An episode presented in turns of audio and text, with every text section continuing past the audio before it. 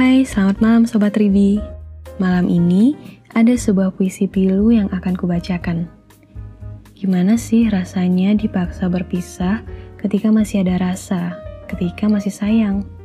Sedih? Sakit? Tentu. Rasanya itu yang dirasakan saat mendengar puisi yang satu ini. Yuk dengerin dulu. Ambil posisi nyaman kamu dan rehat sejenak bersama duduk dan dengar.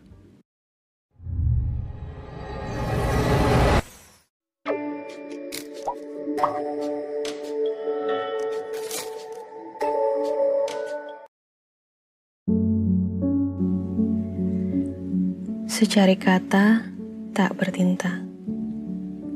Karya Gambang Sayuta. Terpejam mataku di atas remah asa. Membalut hubungan yang sejatinya tak ada luka. Kuncup ini belum terlalu lama mekar. Namun kenyataan berada pada pilihan sukar. Mengapa harus ada cinta jika hanya buatku rasa? Seperti menggenggam serpian baja yang berputar, seusai orang tuaku melontar inginnya untuk ku dengar. Di satu sisi ini adalah petua, di lain sisi ini buatnya berdarah. Seketika angin murung di sudut itu, menunduk sembari terseduh pilu. Aku tak tahu harus dengan apa dan kata yang seperti apa untukku sekedar berpamitan padanya. Kekasih, lewat secari kata yang tak bertinta, Ku tulis maafku dengan air mata. Berharap kau bersedia menerimanya. Sepucuk petir yang siap menyambar dadamu. Tertanda si bungsu kekasihmu.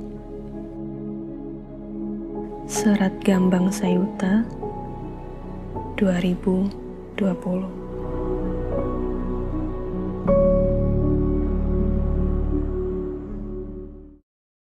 Sebuah puisi berjudul Kata Tak Bertinta. Sebuah puisi kiriman dari Ed Gambang underscore Sayuta. Wah, gimana perasaannya Sobat Ridi saat mendengar puisi ini? Kena banget ya sampai ke hati. Ketika hubungan belum lama terjalin, tapi harus diakhiri karena sebuah petuah orang tua. Kira-kira mungkin begitu ya isi puisinya.